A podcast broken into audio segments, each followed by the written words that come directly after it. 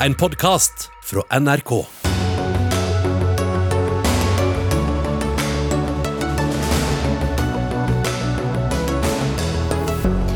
To 250 000 nordmenn kan tenke seg å stemme på Rødt.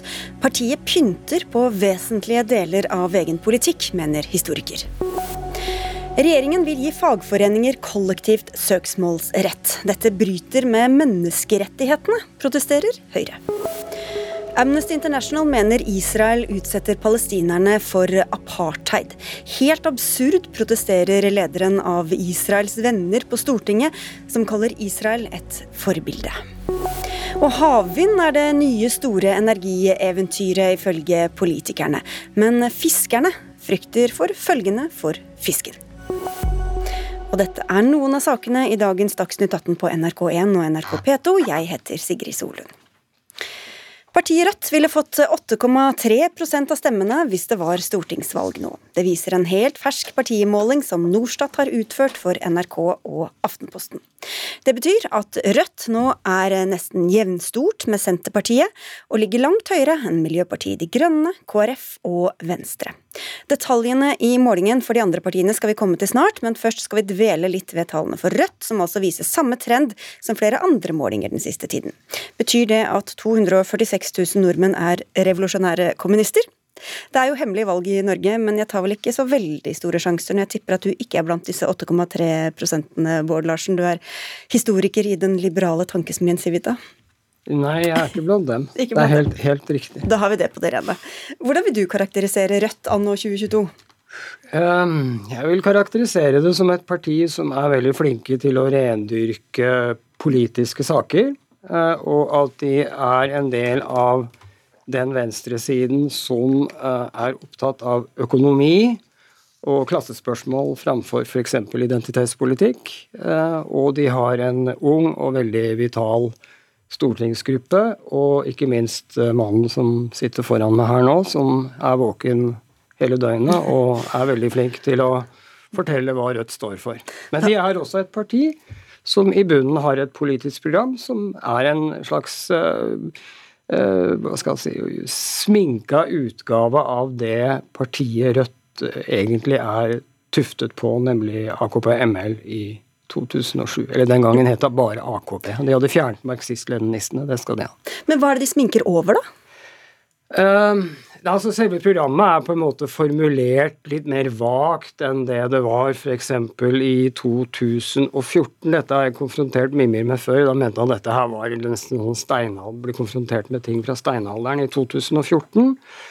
Men uh, da mente de at en sosialistisk revolusjon ikke ville kunne seire uten at borgerskapet avvæpnes og folket tar kontroll over militærmakten. Og i dag så er liksom formuleringene gjort mer ut uh, altså, De syns kanskje dette ble litt hissig, så nå er det snakk om å, å, at arbeiderklassen, altså Rødt med sine allierte i arbeiderklassen, skal utgjøre det store flertallet og ha makta over alle viktige samfunnsområder. Og Dette er programfestet, og, og, og Rødt er da et venstresideparti som vil ha revolusjon i et liberalt demokrati. De vil politisere uh, institusjonene, og slikt er ikke tradisjonen for i et liberalt demokrati, hvor vi har rettsstat og, og, og uh, maktfordeling. Og, men selvfølgelig, altså Rødt forteller jo at de, skal ta hensyn til alle minoriteter og slikt, men det er ikke sånn det pleier å gå med politiske bevegelser som er fulle av overmot og vil eh, systemendre fullstendig fra, fra bunnen av. Ja, til deg er aldri hvilende Mimir Kristiansson, stortingsrepresentant for Rødt. Det er jo en del som skvetter når de ser disse høye tallene for dere som har kommet til flere målinger i det siste. Du skriver i VG at Rødt står for en demokratisk sosialisme. Hvor blir det av alt eh, det som Bård Larsen snakker om, som han sier dere ikke snakker om? Ja, nemlig. Nei, Noe av det Bård Larsen snakker om er jo gamle formuleringer som er fjerna, så vi får jo anta at de er fjerna av en grunn. Eh, og noe av det Bård Larsen snakker om er jo fri fantasi. Rødt er f.eks. ikke mot maktfordeling, Rødt er ikke mot rettsstaten. Men jeg tror eh, at det er sånn som det her. Folk flest de er ikke dumme. Sånn at når folk flest, f.eks. 10 da, eller 8% stemmer på Rødt, så er det fordi de er enig i Rødts politikk. Og det er ikke noe uttrykk for en slags sånn falsk bevissthet til at de er blitt lurt av meg eller andre svært unge og vitale mennesker til å tro at Rødt er noe annet enn det. Det er tvert imot fordi de er enig med Rødt i at kapitalismen sånn som den fungerer nå, går i gal retning. Og Rødts politikere òg er jo heller ikke dumme. sånn at når Rødts politikere mener at de er for demokrati, flerpartistat, frie valg, rettsstat, maktfordeling, så er jo ett alternativ Bollarsen, er jo å tro på at det vi sier, er det vi mener. I stedet for at du skal finne på en skjult mening. Og AKB-ML på 70-tallet, hvis man kan snakke litt om de, de var jo et lite speilbilde av Bård Larsen på en måte. fordi de opererte jo med et begrep som heter falsk bevissthet. Og det var sånn at De i arbeiderklassen som ikke stemte på AKP-ML, de lei av falsk bevissthet. De skjønte ikke sitt eget beste. Og det er egentlig litt det som Bård Larsen påstår om Rødt. da. At Rødt-politikerne påstår at de er for demokrati, mener det sjøl kanskje, men de skjønner ikke sjøl hva de egentlig er med på. Og det gjør jo en skikkelig debatt om ideer ganske vanskelig. da.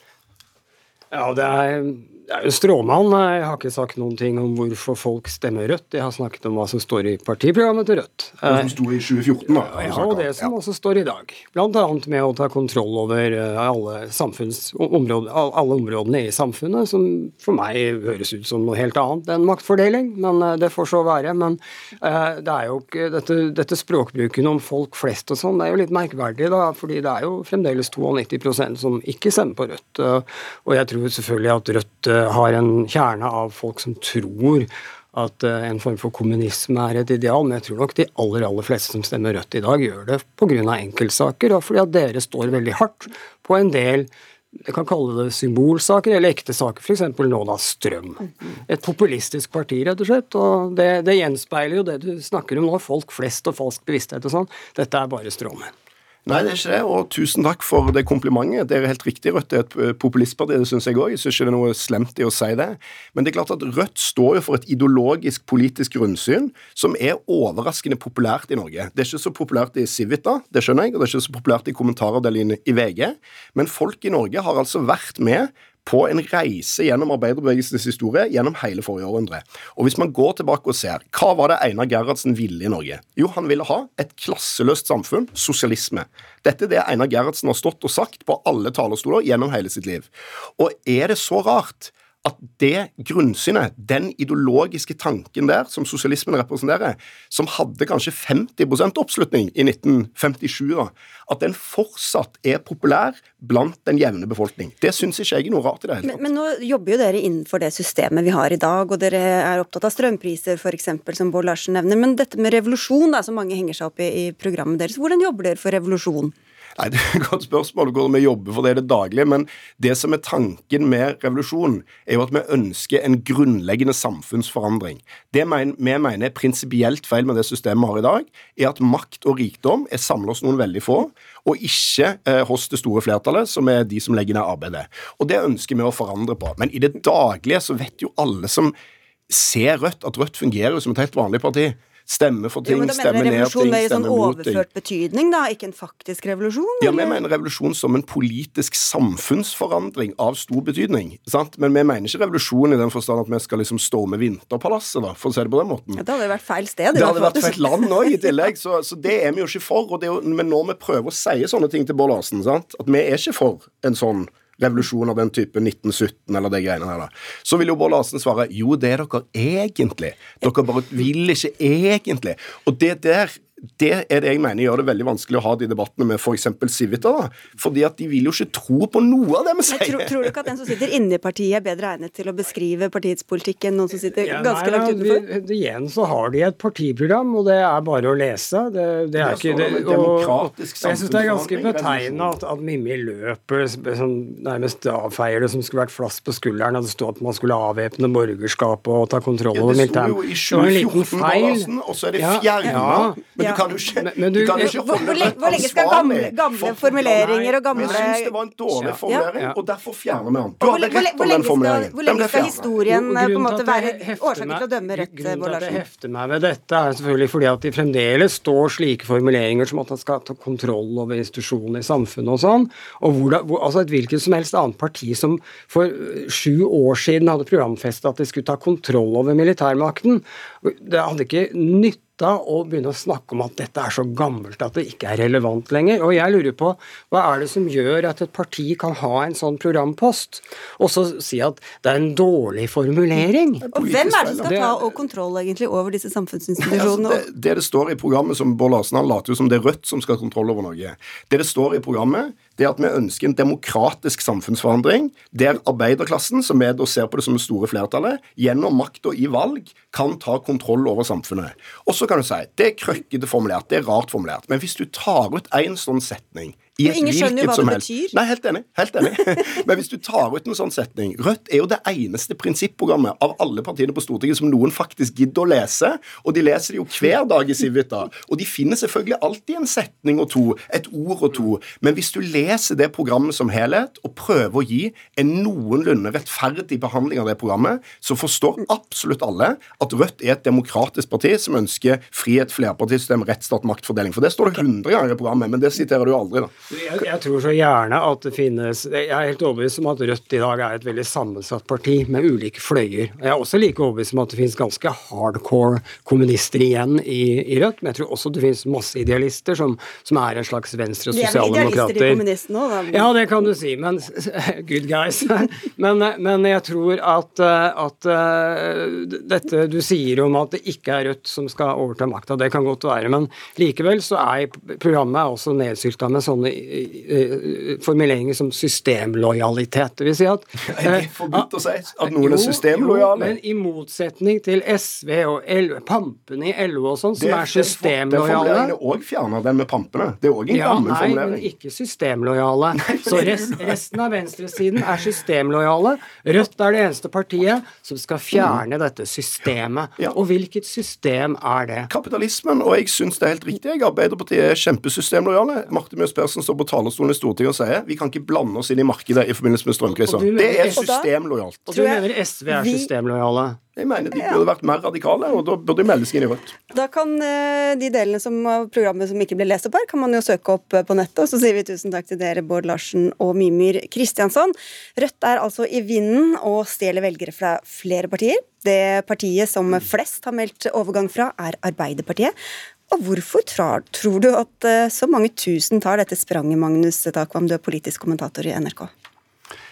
Det er jo eh, forsto det jo litt ut fra den debatten vi nettopp hørte. Eh, Mimir Kristiansson og kjernen i eh, ledelsen i Rødt for tiden prøver å identifisere seg og trekke en linje historisk til sosialdemokratiet i Norge. Eh, og argumenterer eh, klassisk sosialdemokratisk i sin kritikk av f.eks. det som handler om strømkrisen, eh, og de andre eh, sakene de, de tar opp. Eh, taperne i samfunnet, de som er trygdede. Det er en sosial indignasjon som de, de formidler. Men man skal jo minne om da, at i denne målingen som, som er utgangspunktet her, så er det faktisk SV som tar flest velgere fra Arbeiderpartiet i, i sum. Så jeg tror noe av det det eh, viser, er at jeg tror SV i større grad skal vi si, mobiliserer nå klassiske, eh, tradisjonelle venstresidevelgere,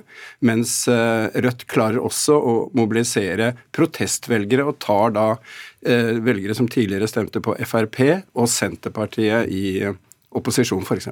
Ja, Anne Ekornholmen, politisk redaktør i Nasjonen, for å plukke opp dette siste her. Det kommer mange av de nye Rødt-sympatisørene har også bakgrunn i Senterpartiet. Hva, hva tror du er det som lokker dem over?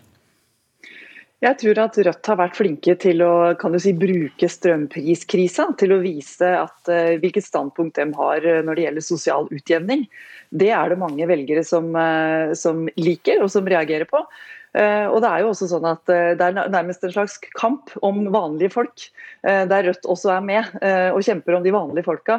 Eh, og stå på, de, eh, på sida til de som eh, trenger penger, og som sliter med å betale strømregningene. Og Rødt har jo også da den privilegiet å ikke være knytta til regjeringa på noen måte, sånn som SV er. Og dermed kan spille sin opposisjonsrolle ganske fritt på Stortinget, med, som det ble sagt her, åtte friske og, og pågående stortingsrepresentanter. Ja, Strøm blir jo forklaringa for begge, da. Er det, men er det den samme strømforklaringen som ligger i dem som går til Senterpartiet og dem som går til Arbeiderpartiet?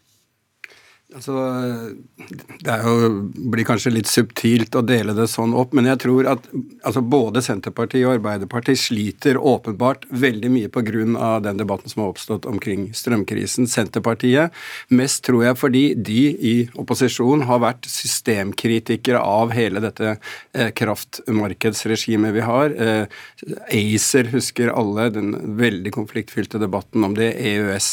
Mens de nå da må administrere og på en måte forsvare systemet fra regjeringsposisjon. Mens for Arbeiderpartiet så treffer eh, den sosiale dimensjonen av strømkrisen veldig hardt. og en pågående venstreside eh, minner eh, også sosialdemokratiske velgere eh, om det hele tiden. Så der, Derfor så rammer på en måte strømkrisen i kjern, kjernen av begge regjeringspartiene. Anne Ekornholmen ja. At, også, at EU- og EØS-spørsmålet er, er, jo også eh, en veldig stor del av eh, strømpriskrisa. Eh, som, og Der er jo forventningene til Senterpartiet høye. Eh, for alle vet hva slags standpunkt Senterpartiet har til det europasamarbeidet, som nå da blir satt på spissen eh, når det gjelder strømkabler og, og andre.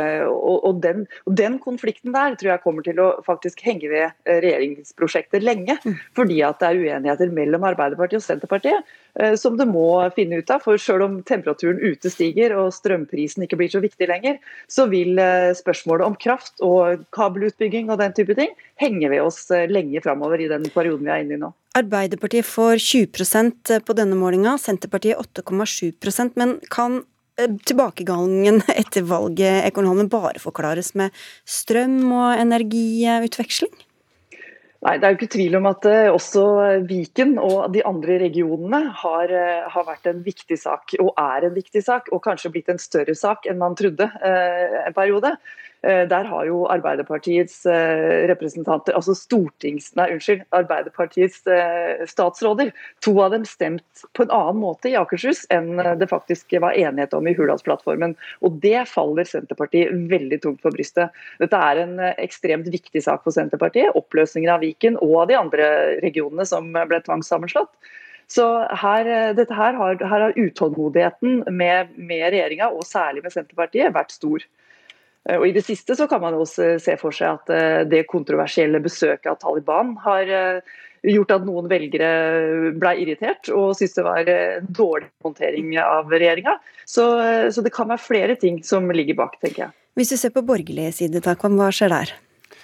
I vår måling så er det jo helt åpenbart Høyre som, som vinner. de har vel gått fram seks vel 6 prosentpoeng på vår måling, 12 mandater eh, sammenlignet med valget. Eh, Frp har bare en ubetydelig framgang. Og Venstre og KrF, altså blant de fire borgerlige partiene uh, som sto bak regjeringen Solberg, så er det åpenbart Høyre som har ledelsen. Og de andre greier ikke å fange opp skal vi si, noe av stemningen i, i folket. Og det Eh, det er jo en, eh, en, kontrast til situasjonen som var under Solbergs regjering, da f.eks. Arbeiderpartiet nettopp ikke klarte å innta denne leden, ledelsen i lederskapet i opposisjon. Det har, det har um, Høyre klart, og noe av forklaringen er kanskje at ja, man minnes, minnes, Erna Solberg og liksom hennes prosjekt som et kompetent og dyktig prosjekt i kontrast til alt det eh, kaoset som i hvert fall blir formidlet om, om den eh, regjeringen vi har nå. Det er også ganske stor kontrast mellom de målingene som Senterpartiet hadde for et års tid siden, og dem som de har nå. Mm. Hva, hva, hva, altså, vi har vært gjennom noen forklaringer her, men eh, hvordan havna de der? Det er jo Vi nevnte jo tidligere at en del av de eh, som var eh, Senterparti-velgere, nå har gått til partier som de går både til Frp og Rødt, og var altså eh, lånte stemmer, proteststemmer, vil jeg si, i, i stor grad. Og det er klart at det Senterpartiet profiterte på i valgkampen, var å få fram denne fortellingen, en samlet fortelling om sentraliseringen av Norge, som, som de, de skåret veldig høyt på. Men når vi nå ser eh, da eh, Viken og, og, vi ser eh, domstolreformen, så, som de gjør som de har lovet, på en måte, så, så hjelper ikke det når, når, man stykker opp i enkeltelementer på den måten i, i regjeringsposisjon. Du, Helt kort til slutt her, Anne Ekornholmen. I dag kom nyheten om at det er fredag som er den store dagen for når vi får vite hvem som blir ny sentralbanksjef. og Det er vel også en slags nøtt for finansminister og partileder Vedum? Ja, det vil jeg absolutt si at det er. Og det kan jo være grunner til at det har eh, tatt den tida det har tatt òg. Eh, og, faktisk eh, utnevne den som blir ny sentralbanksjef. Om det blir Jens Stoltenberg eller om det blir Ida Wolden Bakke. Det er jo de to kandidatene. Og kontroversen rundt Jens Stoltenberg har jo vært langvarig. Mange mener han er den aller beste kandidaten. Han er også venn av Støre, og han skal altså eventuelt utnevnes av finansminister Vedum. Så det her er en nøtt som også kommer til å påvirke hvordan folk ser på regjeringa, og hvilke roller de tildeler på en måte da, sine venner eller ikke. Og Det blir det mer om også her i Dagsnytt 18 på fredag. Takk skal dere ha begge to, Anne Ekornholmen og Magnus Takvam.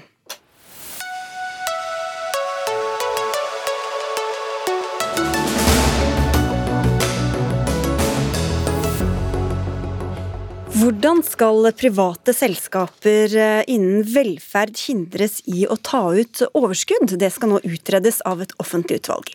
I fjor høst fikk SV regjeringskameratene Arbeiderpartiet og Senterpartiet til å skrive under på at et utvalg skal citat, utrede hvordan kommersiell drift kan utfases i ulike skattefinansierte velferdstjenester, og legge fram en egen nullprofittmodell for hver slik sektor, skriver Aftenposten.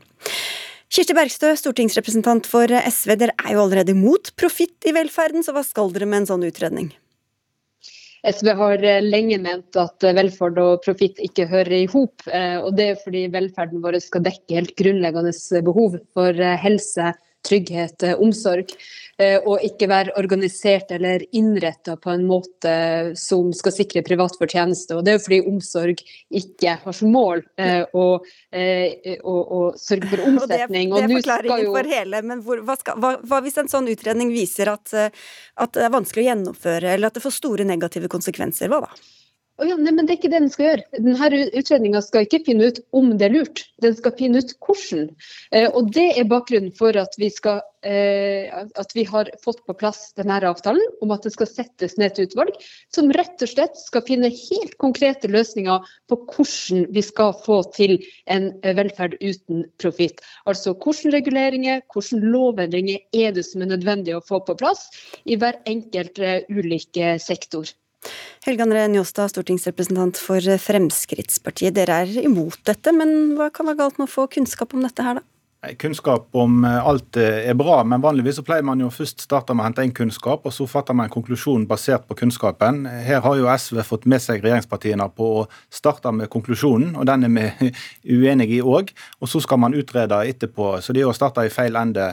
Eh, og Vi kan gjerne ha en utredning, men jeg ville jo heller hatt en utredning om hvordan man kan levere enda bedre tjenester til innbyggerne, enn en utredning som sier hvordan man skal fase ut noe som veldig mange innbyggere er fornøyd med gode tjenester. Ja, hvorfor ikke heller begynne der, Bergstø, finne ut hvordan kan man få best mulig tjenester, og så se om dette er en av løsningene? Det her eh, henger jo i hop, eh, fordi at det er godt dokumentert at det forsvinner veldig store summer ut. Vi snakker om milliarder til privat fortjeneste. Eh, og eh, vi mener at eh, alle pengene vi setter av, hver eneste krone vi setter av til omsorg, til velferd, ja det skal nå de menneskene som tjenestene er til for, og ikke privat profitt. Og Derfor så er vi nødt til å tette de hullene som gjør at det i dag er mulig. Og det gjør vi jo med å endre lover, men det handler også om å sikre folkene i velferden. Fordi der profittjag er motivet, ja, så vil det være press på både lønn, på arbeidsvilkår, på pensjoner. Men bare for å høre med den, Jåstad, hvorfor, Hva er egentlig gode grunner for at ikke alle penger fra det offentlige skal gå til de gamle, de syke, de barna som trenger de tjenestene? Det er veldig mange gode grunner til det. Den viktigste grunnen er jo at eh, ved å ha et mangfold av eh, leverandører som eh, alle konkurrerer på like vilkår og er finansiert av skattebetalerne, så får vi utvikling, vi får konkurranse, det er sunt. Vi har hatt en offentlig utredning som har konkludert med at konkurranse er sunt og fremmer bedre kvalitet. Barnehage er et godt eksempel. De som er brukere av private barnehager, er i snitt mer fornøyd, eh, til en lavere kostnad enn kommunen sjøl driver. Så Hvis man skulle valgt denne modellen her, så hadde man sagt nei takk til alle private barnehager som har gitt et mangfold, gitt valgfrihet og bedre tjenester til barna og foreldre. Og Sånn kan man gå til sektor etter sektor. Så den politikken som SV nå har eh, fått de andre med på, er rett og slett dum. Eh, det blir mindre, mindre kvalitet på tjenestene til innbyggerne, og det er jo innbyggerne vi er opptatt av. Så markedskreftene tjener denne sektoren godt? Ja, det gjør jo det. Vi ser jo i barnehagesektoren med å få private aktører, så får vi nye produkt. Vi får naturbarnehager, vi får maritime barnehager, som jeg har i min heimkommune. Vi får eh, utvikling. Eh, og så er det sånn at det kommunale offentlige strekker seg òg, for de har noen å konkurrere mot. Hvis man er monopolist, eh, så vet man at det blir ineffektivt. Og det er ingen som snakker om at, eh, at det er dårlig forvaltning av skattebetalernes sine penger å drive ineffektivt fordi man ikke rett og slett har konkurranse. Men dere har tidligere f.eks. på strøm vært veldig for markedskreftene. Nå er dere mot? Dere kommer ikke til å skifte mening her også, eller? Nei, vi skifter ikke mening, men vi sånn der, må løse strømkrisen med ekstraordinære tiltak. Skifter litt mening, da? Nei, i, i, i, i prinsippet så, så, står vi oss veldig støtt. Eh, og vi har en grunnholdning at konkurranse Nå kommer vi snart inn i OL, og jeg tror eh, så lenge vi har tidtaking, så eh, går langrennsløperne litt fortere fordi de konkurrerer med andre, enn om de hadde fått samme medaljen uansett hvor fort de hadde gått. Bergstø, hva er galt med å ville tjene penger på å drive velferdstjenester? Det som er galt, er at pengene går til privat profitt, eh, og ikke til menneskene som velferden skal nå.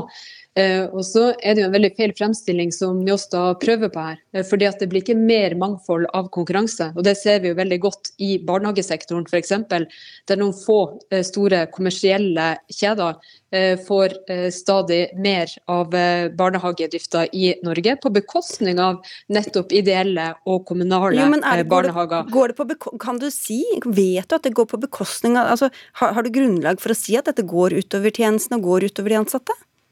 Det er grunnlag for å si eh, at eh, de kommersielle vokser på bekostning av de ideelle, og i barnehagene også på bekostning av de eh, kommunale. Og det er også grunnlag for å si at i de kommersielle så er lønns- og arbeidsvilkår og pensjon dårligere. Og så syns jeg at Njåstad skal kikke en tur hjemover til sin hjemkommune der Frp privatiserte eldreomsorgen, mens Høyre faktisk valgte å ta den tilbake i, i kommunal regi. Og der eh, renholdere for noen år tilbake fikk eh, beskjed på julaften faktisk at de mista jobben, for her var det konkurranse som skulle rå. Eh, og det finnes mer effektive og bedre måter å drive velferd på. Og det første vi må gjøre, det er å sikre at pengene går dit de skal, til bestemor, til barna, at det er barnevernsbarna og ikke barnevernsbaronene som får de offentlige skattemidlene. Og det er en svær oppslutning i befolkningen befolkninga for nettopp en sånn politisk kurs. Og så er det jo sikkert mange som sitter på annen eh, kunnskap eller andre rapporter som viser noe annet, bare for å ha nevnt det. Men... Ja, Det beste er jo å snakke med de som det eh, da angår. Eh, og Vi hadde jo en stor barnehageaksjon i høst. Hadde stor oppslutning for foreldrene som faktisk heier på de private barnehagene som de har valgt at barna sine skal gå i. Så det er jo bedre å Eh, spørre de det gjelder. Eh, de som er ansatt i private barnehager er fornøyd. Alle er fornøyd. Så hvorfor SV skal ha allergi mot private løsninger, skjønner jeg ikke. Det vil jeg svare på. Ja, svar på det. Ja, for, fordi Her kommer det an på hvordan man stiller spørsmålet. Eh, hvis du stiller spørsmålet er du fornøyd med barnehagen, så vil veldig mange foreldre si ja. Hvis du stiller spørsmålet syns du det er riktig at pengene eh, som kommer fra fellesskapet eller fra foreldrebetaling skal forsvinne eh, til private oppkjøpsfond, havne i skatteparadis eller private eh, former, eller syns du det skal gå til ungene eh, og til nok voksne med ordentlige forhold i barnehagen, da vil svaret bli noe ganske annet. Så du får jo høre. svar ut fra hvordan ja. du stiller spørsmålet. Og Hva ville du svart på det spørsmålet, Njåstad? Jeg ville svart at jeg ville gjort det som var best for mitt barn, eh, at den fikk best mulig tilbud tilbud. Og Det var jo det foreldrene tok stilling til nå. De støtta en aksjon fordi at eh, regjeringspartiene hadde en fiendtlig politikk mot private Noen barnehager. Noen støttet en aksjon, i hvert fall. Ja, det var litt delte meninger der også. I all hovedsak støtta foreldrene aksjonen. Dere, Vi må si takk, så vet vi i hvert fall eh, en del av konklusjonen. ikke konklusjonen på hvordan, men at det skal ikke lenger drives kommersiell drift. Det var helt klart. Takk skal dere ha begge to. Helge André Njåstad fra Frp og Kirsti Bergstø fra SV.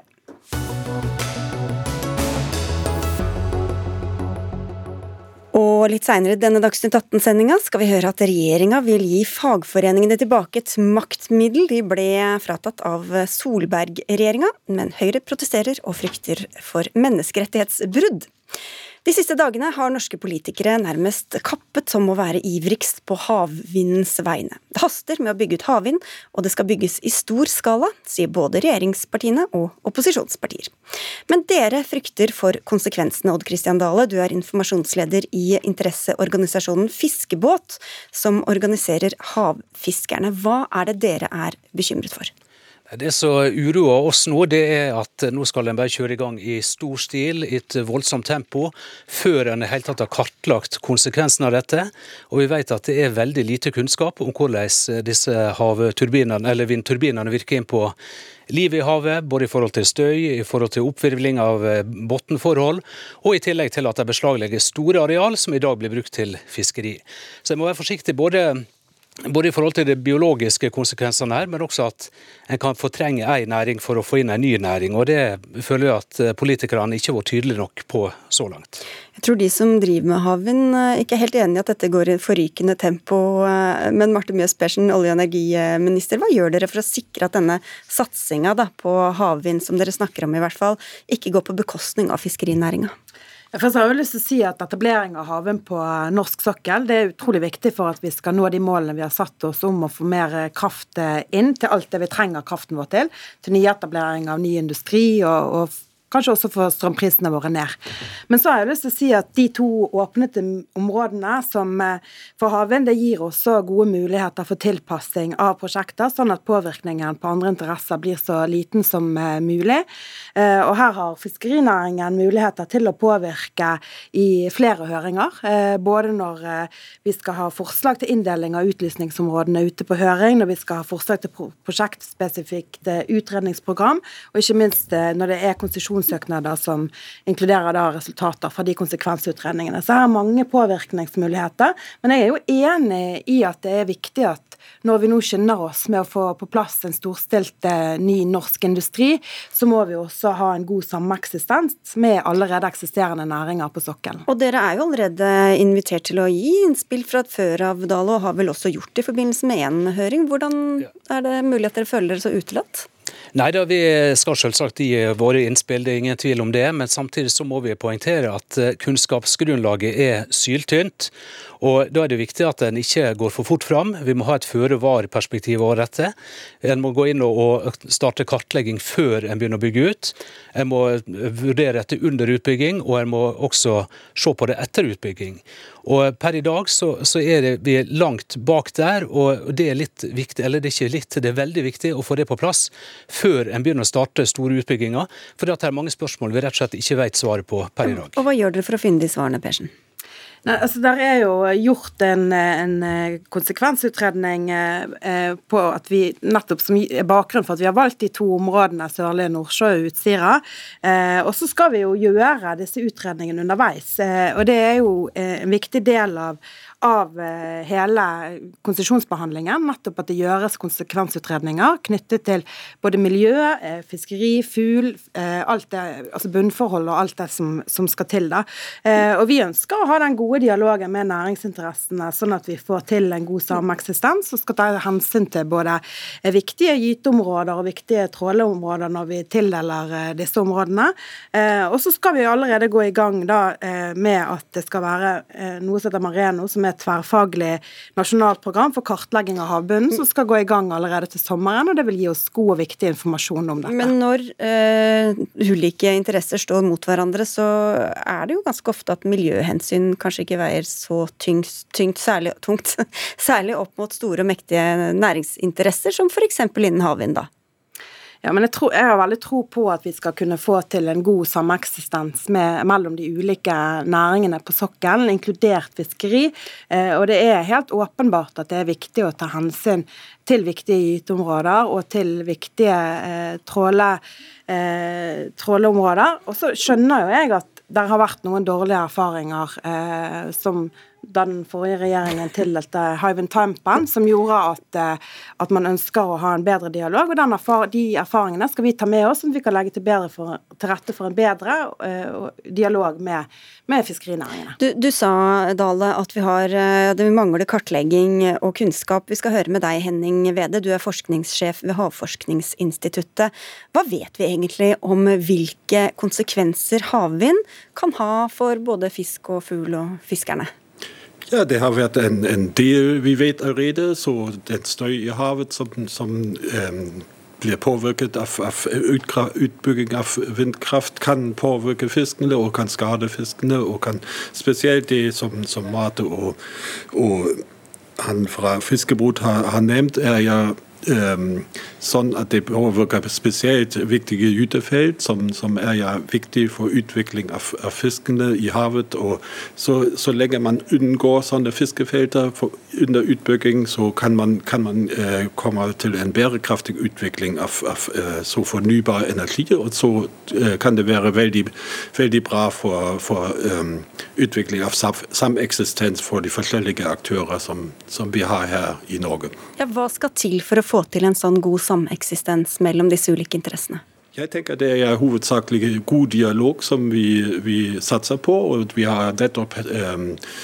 igangsatt en aktivitet som, som eh, skal eh, lede til en, en, eh, til en, forskningsprosjekt som vi har, vil be om støtte for, som setter, sender vi inn i neste uke. Sammen med fiskebåt og sammen med industriaktører som eh, setter på akkurat å utrede og, og eh, diskutere og finne gode løsninger for, for den sameksistensen som, som, er viktig. Så det er arealbeslag fra vind, vindkraftutvikling pluss de eh, tradisjonelle fiskeriområder som vi må ha en god dialog på i grunn av dette. Det høres ut som det bare gjelder å få en god dialog, Dale, så skal det gå bra å sameksistere? Ja, En dialog er absolutt eh, viktig, men eh, det en må ha klart for seg her, det er at eh, vi har levd av fisk her i landet fra tidenes morgen, og det vi skal leve av inn i evigheten også. Og som HI her sier, at her er stadfesta at det er lite kunnskap. Og den kunnskapen må på plass, og en må også ta den arealfordelinga. Det er mange som har næringsinteresse i havet, enten det er oppdrett eller det er gruedrift eller havvind. sånn at her er en stor, Selv om havet er stort, så er store interessekonflikter om å bruke arealet. og Der må en også få en samla plan som ser på helheten i det, og som da ikke går utover den kanskje aller viktigste ressursen, som er også den fornybare ressursen, nemlig fiskeri. For når skal dere egentlig sette i gang med disse havneprosjektene, Persen? Eh, vi, vi, er straks på banen, og det er jo det vi holder på med nå. Det er jo å, å komme med disse ulike rammevilkårene. Og, og så det kommer ikke noe kartlegging sier, før dere gir grønt lys altså, for utbygging, da? Eh, blant annet så kom jo Havforskningsinstituttet da med en rapport for litt over et år siden eh, med råd om hva undersøkelser man skal gjøre. Og det er jo litt viktig at noe av dette foregår underveis, for vi kan jo ikke kartlegge hele Nordsjøen og så eh, bestemme oss. Vi er jo nødt til å, å, basere det på disse undersøkelsene som allerede er gjort. Og så skal vi gjennom konsesjonsbehandlingen med forslag til eh, inndeling av utlysningsarealer og alt dette her, ha den gode dialogen og også gjøre de nødvendige konsekvensutredninger, sånn at vi sikrer oss at vi klarer den gode sameksistensen der vi tar hensyn både til natur og miljø, men samtidig klarer å bygge en helt ny næring som skal gi oss både mer kraft og flere arbeidsplasser. Og Ifølge Universitetet i Bergen Odd Christian Dale, så trenger vi en veldig veldig liten del av havet til å produsere like mye vindkraft som vi produserer i dag. Hvordan er det så vanskelig å bare dele på det arealet som er? Ja, og Det er et veldig godt spørsmål. Havet er stort, og Det er derfor vi stiller spørsmålet hvorfor i all verden disse her vindkraftanleggene skal legges midt i fiskefeltene, når en kan finne andre, andre plasser. Og eh, Havet er stort. eh, En del er beslaglagt allerede til olje og gass. Eh, En del areal er er lagt til vern, så vi ikke kan fiske der. Og, og Da er det også mange områder som ikke er aktuelt å fiske på slik det er per i dag, og der kan en bygge vindkraft. Men av en eller annen grunn så skal dette da presses inn på de samme områdene, og dermed blokkere for en viktig næring her i landet, nemlig fiskeri, og som også da eh, blir hindra rent fysisk pga. disse eh, anleggene som, som ligger der, og i tillegg til sin egen utstrekning også store sikkerhetssoner rundt, som naturlig nok må være på slike anlegg, så ikke skal kjøre båtene inni og, og få havari. Hvorfor man legger det akkurat der? Altså, Hensynet til fiskeri og andre næringer det har vært eh, sentralt i eh, arbeidet med utpeking av eh, de områdene som nå er valgt, og i den strategiske konsekvensutredningen som har skjedd. Hvorfor er så- det midt i fiskeområdene da? Nei, og Det er jo der jeg sier at det, det er jo et ganske stort område som er pekt ut. Det skal ikke være vindmøller i hele dette området, og vi ønsker jo å legge til rette for at, at vi skal klare den sameksistensen, og ønsker ikke å, å legge havvindmøller eh, der i de beste områdene for eh, fiskeri, verken gyteområder eller de beste trollområdene. Så det skal vi ha en god dialog om, og inviterer selvfølgelig til eh, medvirkning og samordning eh, gjennom denne prosessen. Dialog ble stikkordet her. Vi skal slippe dere, men før det går, eh, Mjøs Persen. Vi snakka mye om Rødt, som gjør det så bra tidligere i sendinga, og da var det mange som pekte på strømprisene som forklaring, og ikke minst regjeringas eh, håndtering av den. Betyr det at Rødt kan takke deg for de gode tallene på målingene? Det vet jeg ikke, men det er jo klart at det er helt avgjørende at vi får til eh, mer kraftproduksjon. For vi er nødt til å eh, tette det gapet som er i dag mellom den store forbruksveksten som handler om at vi skal elektrifisere alle deler av samfunnet vårt, og produksjonsveksten. Og da er havvind veldig viktig del av det. Det var vel hva vi kan kalle et politikersvar. Takk skal dere ha. I hvert fall Henning Wede, forskningssjef ved Havforskningsinstituttet, Odd Christian Dale fra Fiskebåt og olje- og energiminister Marte Mjøs Persen.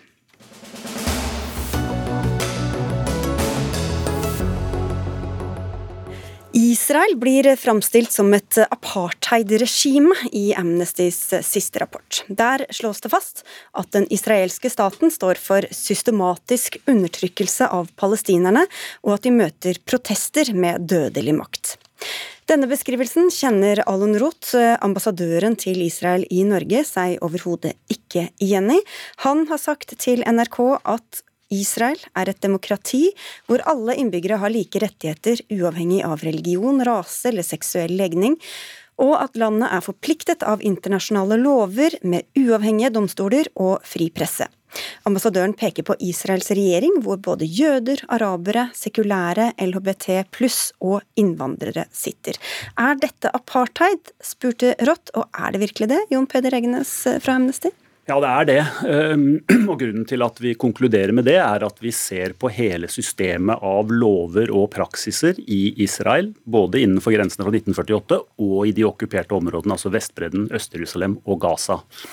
Og både lovene og praksisen er en gjennomført diskriminering av de palestinske israelerne og i Israel og palestinerne i de okkuperte områdene, til fordel for den jødisk-israelske befolkningen.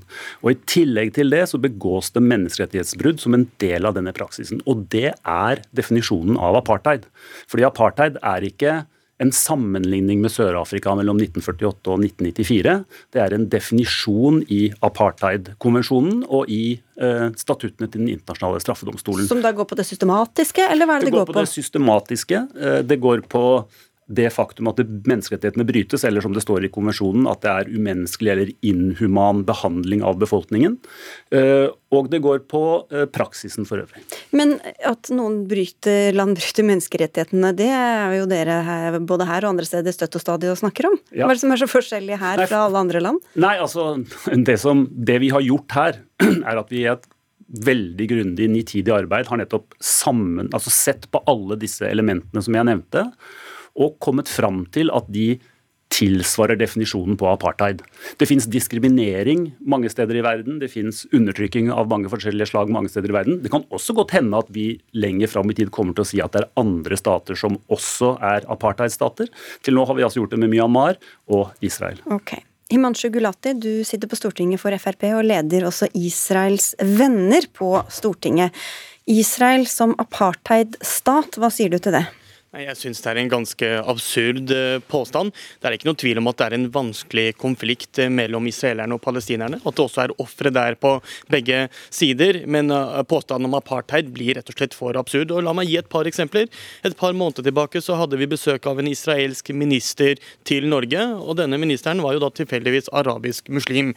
Vi hadde en israelsk viseambassadør til Norge noen år tilbake, som også var da kristen araber. Og et siste eksempel, det var da tilfeldigvis en arabisk høyesterettsdommer i Israel som dømte den tidligere presidenten Katzav til fengsel for, for lovbrudd. I en apartheidstat ville ikke en arabisk høyesterettsdommer fra minoriteten kunne dømme en, en ekspresident som er jødisk til fengsel. Israel er det eneste reelle demokratiet i Midtøsten, en rettsstat. Og jeg tror veldig mange andre land i Midtøsten kunne lært med fordel av Israel av hvordan man behandler både minoriteter og, og seksuelle minoriteter men, og andre men nå, grupper. Nå kom du med eksempler på, på folk med høye stillinger i Israel. Men hvordan er det du definerer apartheid, da, om ikke ut fra de kriteriene som Egenes eh, viser til? Altså, min forståelse av apartheid er jo at man forskjellsbehandler folk, gir folk ulike eh, rettigheter, ulik status i samfunnet, basert på religion eller hudfarge. Og Vi har jo Sør-Afrika som eh, eksempler fra historien som, som, vi alle eh, vet om. Mens Israel er jo et eksempel på at man uavhengig av religion, uavhengig av bakgrunn og for så vidt også seksuell legning, kan eh, oppnå det man vil og, og ha de samme rettighetene som alle andre. Jeg, jeg har lyst til å bare stille noen spørsmål uh, for å kontrollere dette at det er ikke diskriminering av palestinere i Israel eller på de okkuperte områdene. Kan palestinere bevege seg fritt uh, i de okkuperte områdene som Israel har full kontroll over? Og det er jo det jeg begynte med å si, at Vi har jo et konfliktområde som åpenbart ja, gjør situasjonen Du sier at de ikke diskrimineres, at de har samme rettigheter. Kan de bevege seg fritt på den måten israelske bosettere kan bevege seg i de okkuperte områdene? Men, men det Egenes nå snakker om, og det Amnesty snakker om, det er jo konflikten som vi alle ønsker en løsning på, og hvor det er en tostatsløsning som er Da kan vi gå til En av gangen. La meg få lov til å stille deg et Siden du sier at det er like rettigheter. Kan palestinske israelere bosette seg og bygge der de selv ønsker, innenfor grensen av Israel eh, slik de ble gitt i 1948? Altså, det, det, er helt riktig at det er en veldig komplisert situasjon pga. konflikten, men det vi snakker om nå, er ja, Men dette er jo systematisk diskriminering. Kan de, de fordelene som jødiske israelere får, det gjelder både økonomisk støtte, støtte til bolig osv., som de får når de har gjennomført militærtjenesten, kan palestinere få de fordelene, ettersom de er nektet å gjennomføre militærtjeneste? Altså Det er også arabere som gjennomfører militærtjeneste i Israel, men det er ikke det ikke, som er ikke, poenget her. Ikke, poenget er, er, er at dere bruker ordet man må, ikke, man må ikke blande det som er en vanskelig konflikt, og som vi alle mener at man må finne en fredsløsning på, uh, og, og, det som, er, det som er, uh, Amnesty her kaller apartheid. og Jeg har også sett gjennom deler av den rapporten som Amnesty har kommet med i dag, og flere av de tingene man tar opp, bl.a. blokaden av Gaza, er det jo ikke bare Israel, men også Egypt og andre som, som står for. Og så vil jeg også påpeke en siste ting. Vi ser nå en trend hvor, den, hvor den, i den arabiske verden flere og flere land normaliserer forholdene til Israel. Både Emiratene, Bahrain, Sudan, Marokko og, og, andre. Og Noe som er positivt for, for både kulturell utveksling, eh, folk-til-folk-utveksling. Hva har det med saken å gjøre? Og, jo, det, det, viser at eh, mens resten av den arabiske verden eh, rekker ut en hånd og prøver å normalisere forholdet og skape forbindelse til Israel, så virker det som at Amnesty er opptatt av å, Men, av, av, av å betegne noe som åpenbart er en vanskelig konflikt, som vi må finne en løsning på. Men en konflikt har jo to sider, og her det de peker på, eller hevder fra uh, Amnesty, slik jeg forstår det, så er det vel at det er et slags maktmisbruk fra israelsk hold. Hva vil du kalle den forskjellsbehandlingen, den systematiske forskjellsbehandlingen fra myndighetenes side? Hm. Nå er jeg verken eh, israeler eller her for å forsvare eh, alt som skjer i Israel. Nei, men Spørsmålet men, men, var vel om men, de kan regnes som en apartheidstat eller ikke. Hvis, og du nei, sier det ikke er en apartheidstat? Nei, men, det som skiller Israel fra andre land, er at Israel er jo en rettsstat. Vi har jo sett flere eksempler på at når israelske soldater f.eks. Har, har brukt uh, vold og, og, begått overgrep mot palestinere, jo så dømmes de av israelske domstoler. Vi har vel langt til, flere eksempler på at de ikke har blitt dømt. Det er helt riktig, og det er ikke lenge siden det siste eksempelet på at israelske soldater ble dømt for et overgrep. Men, men vi har jo veldig mange tilfeller der israelske soldater har skutt på sivile, drept sivile, skutt bevisst tilsynelatende på palestinske idrettsmenn og, og, kvinner og skadet dem for livet, og ingen har blitt straffet for det. Men, men, men, men Egenhet, ikke... jeg skal bare spørre deg om en ting, for det, det, er jo ganske mange andre land som har ganske horribel eh, behandling av eh, både enkeltpersoner og grupper i samfunnet. Hvor hensiktsmessig og hvor rettferdig er det å peke på Israel og kalle dem en apartheidstat, ja, sammenlignet altså, med alle andre? Det er rettferdig fordi vi mener det er riktig. Det er riktig at de lever opp til terskelen for en apartheidstat. Og Grunnen til at vi sier det, er jo i håp om at det kommer endringer ut av det. Det beste hadde jo vært om Israel selv innså at her har de et helt system av lover og regler som systematisk diskriminerer, og begynte å gjøre noe med det selv. Men vi kan dessverre ikke forvente det med en gang. Og Da forventer vi at hvis folk går nøye gjennom rapporten, og rapportene fra andre, også israelske organisasjoner som sier det samme, så blir det lagt et større press på Israel for å fjerne de lovene som systematisk diskriminerer, og som selvfølgelig er med og driver denne mange mange tiårige konflikten videre. Det går ikke an å forvente at man skal kunne finne en, skal vi si, en jevnbyrdighet når den ene gruppen systematisk blir eh, diskriminert. Og så kan man kanskje si at man har litt høyere forventninger til en rettsstat og et land som Israel, Himanshu Gulati, som holder disse disse idealene i hevd også. Og, og, Det bør man absolutt ha. og Israel er jo på ingen måte et perfekt eh, land. og Så lenge man har denne konflikten gående, så er det dessverre sånn at mange palestinere, også israelere, lever med en stor byrde. Men det er en forskjell fra å, å, ha den konflikten man nå har, som vi alle ønsker en løsning på, og det å kalle Midtøstens eneste demokrati jo, og rettsstat for en apartheidstat. Men du kaller det en konflikt, men du ville ikke svare på hva jeg, da jeg spurte hva du vil kalle den systematiske forskjellsbehandlingen. Eh, ja, men jeg sier Systematisk forskjellsbehandling er jo når man gir noen rettigheter fordi de har en religion eller bakgrunn, og andre andre rettigheter fordi de har en annen religion og bakgrunn. og det er heldigvis men, men har du, har du eh, ikke igjen, det er, For det er jo akkurat den situasjonen vi beskriver i vår rapport. At det er nettopp fordi de er palestinere, og det gjelder faktisk også kristne palestinere, blir systematisk forskjellsbehandlet i hele området der den israelske staten har kontroll. Vi må avslutte og bare gjentar at ambassadøren eh, Allan Roth sier at han overhodet ikke kjenner seg igjen i dette, og mener dette ikke er en god beskrivelse av eh, Israel. Men takk skal dere ha, Himanshu Gulati fra Frp og Israels venner på Stortinget, og Jon Peder Egnes, generalsekretær i Amnesty Norge.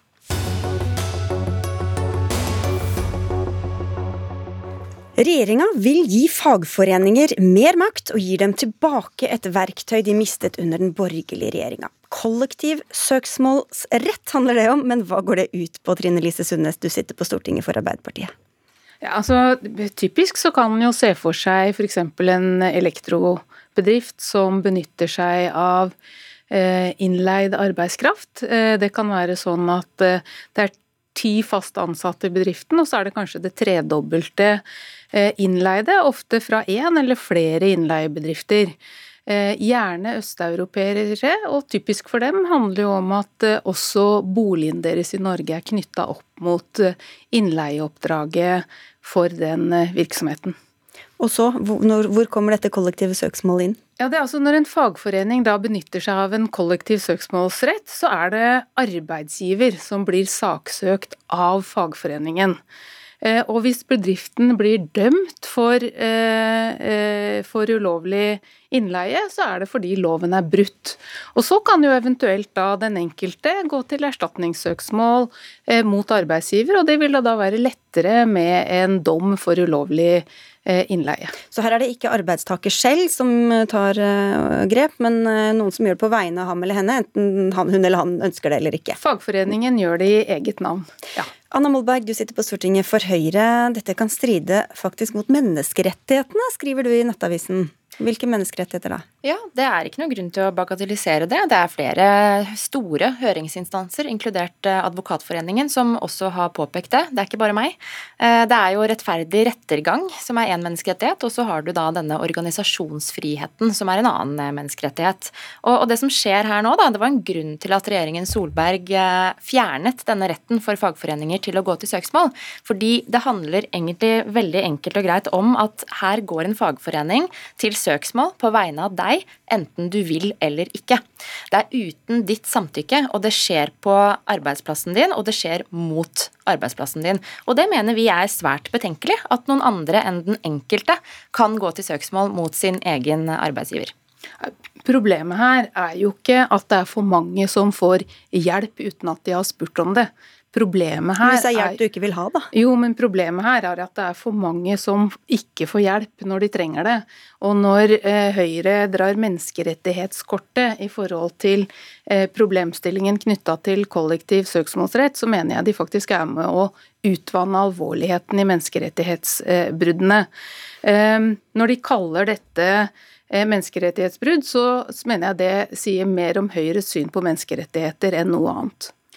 Jeg har ikke kalt det et menneskerettighetsbrudd. Det jeg sier er at det kan være i strid med menneskerettighetene. Og det er ikke noe jeg har funnet på selv. For hvis man slår opp på side 12 i proposisjonen som regjeringen har lagt frem for Stortinget, som vi behandler nå, så står det jo at både Advokatforeningen, NHO, Rederiforbundet, flere tunge høringsinstanser mener at dette kan være i strid med menneskerettighetene. Fordi du blir dratt inn i en prosess som du kanskje ikke ønsker å være en del av. Ja, for Man kan jo se for seg at det kan bli litt vrient å få et godt forhold til arbeidsgiveren eh, hvis du blir gjenstand for et svært søksmål, eller? Ja, men Dette er jo noe av problemet, og dette viser jo også undersøkelsene, at som innleid arbeidstaker så er du i en svært sårbar situasjon.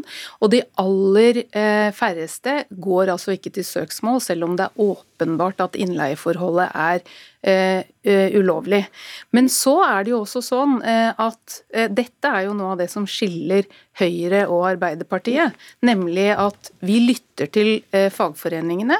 Jo, men de, ser du for deg at det kan være litt ubehagelig for den det gjelder, hvis det er en person som, som noen mener at blir behandlet ulovlig, og så blir det en svær prosess i etterkant av det? Ja, altså Kollektiv søksmålsrett for ulovlig innleie, det har også betydning utover Eh, den innleides interesser, fordi ulovlig innleie også kan ha betydning for virksomhetens egne ansatte. I tillegg til det så kan det ha samfunnsmessig behov, fordi eh, innleide eh, ofte vegrer seg for å si fra om kritikkverdige forhold, fordi de ikke har forutsigbarhet i ansettelsesforholdet sitt. Hvordan skal enkeltpersoner i det som kalles her sårbare situasjoner tørre å ta denne kampen alene, Molberg? Altså Alle som er medlem av en fagforening har jo utbytte av det ved at fagforeningen kan gi deg juridisk bistand dersom du trenger det. Og det er fagforeningens oppgave å påpeke uregelmessigheter på alle arbeidsplasser. Og så er det Arbeidstilsynet som har ansvaret for å føre tilsyn med at reglene i arbeidslivet følges. Og vi mener det er helt feil fra Høyre sin side at vi skal dra det ansvaret over fra Arbeidstilsynet til fagforeningene. Særlig når, da, når det da vil ramme eh, enkeltpersoner som kanskje ikke ønsker å gå til søksmål. Og det er jo sånn i dag da, at organisasjoner kan etter loven, etter tvisteloven i dag, gå eh, til søksmål på vegne av enkeltpersoner. Det er ikke sånn at fagforeninger er ekskludert fra å gå til søksmål på vegne av sine medlemmer.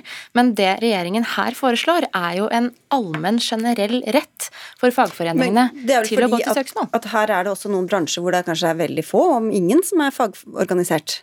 Det er jo fri organisasjonsfrihet i Norge, og det er også en, eh, en, menneskerettighet som vi var inne på. Og da mener jeg at du også må ha rett til å ikke organisere deg, dersom jo, jo. du ikke ønsker det. Det er noe sånn, Du blir jo uansett ikke tvunget inn i noen organisasjon, men spørsmålet er om de, de eh, yrkene eller de bedriftene hvor nesten ingen er fagorganisert, Um, om, det, om, det, er der hvor folk tør å si fra om ulovlig innleie, da. Men da får vi heller uh, oppmode til at man uh, organiserer seg dersom, dersom, man ønsker en talsperson eller en organisasjon som kan tale men, din men, sak. Altså, det, det, skal ikke være sånn at fagforeningene kan gå til sak over hodet på deg og dra deg inn i en prosess du ikke ønsker å være en del av. Altså, du har sjøl sittet her og redegjort for at det er allerede kollektiv søksmålsrett i tvisteloven og gjennom tariffavtalen. Men det er, frivillig. Det er, noe, det er helt frivillig, for da har du to parter som som ønsker det selv. Dette er så typisk, fordi det er, det er liksom Høyre eh, og den tidligere Høyre-regjeringen hadde altså rekord i å svekke arbeidstakernes rettigheter etter åtte lange år.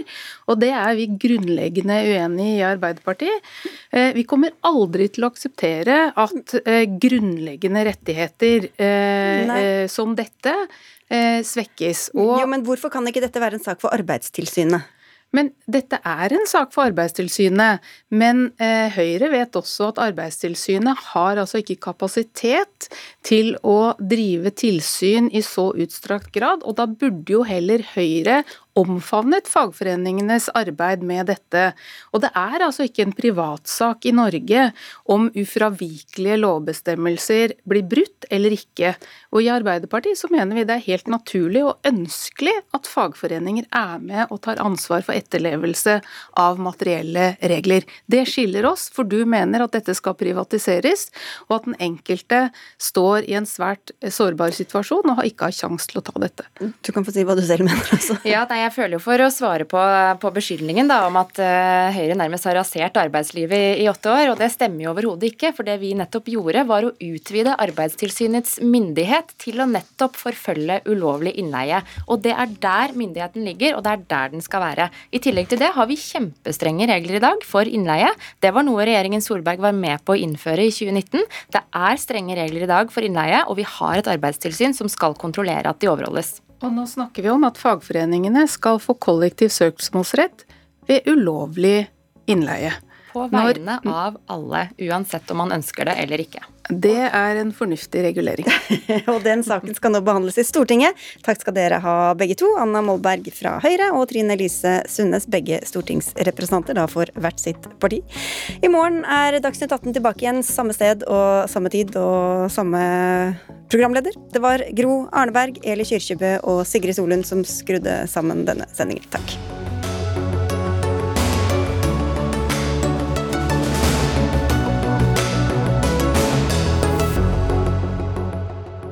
Du har hørt en podkast fra NRK. Hør flere podkaster og din favorittkanal i appen NRK Radio.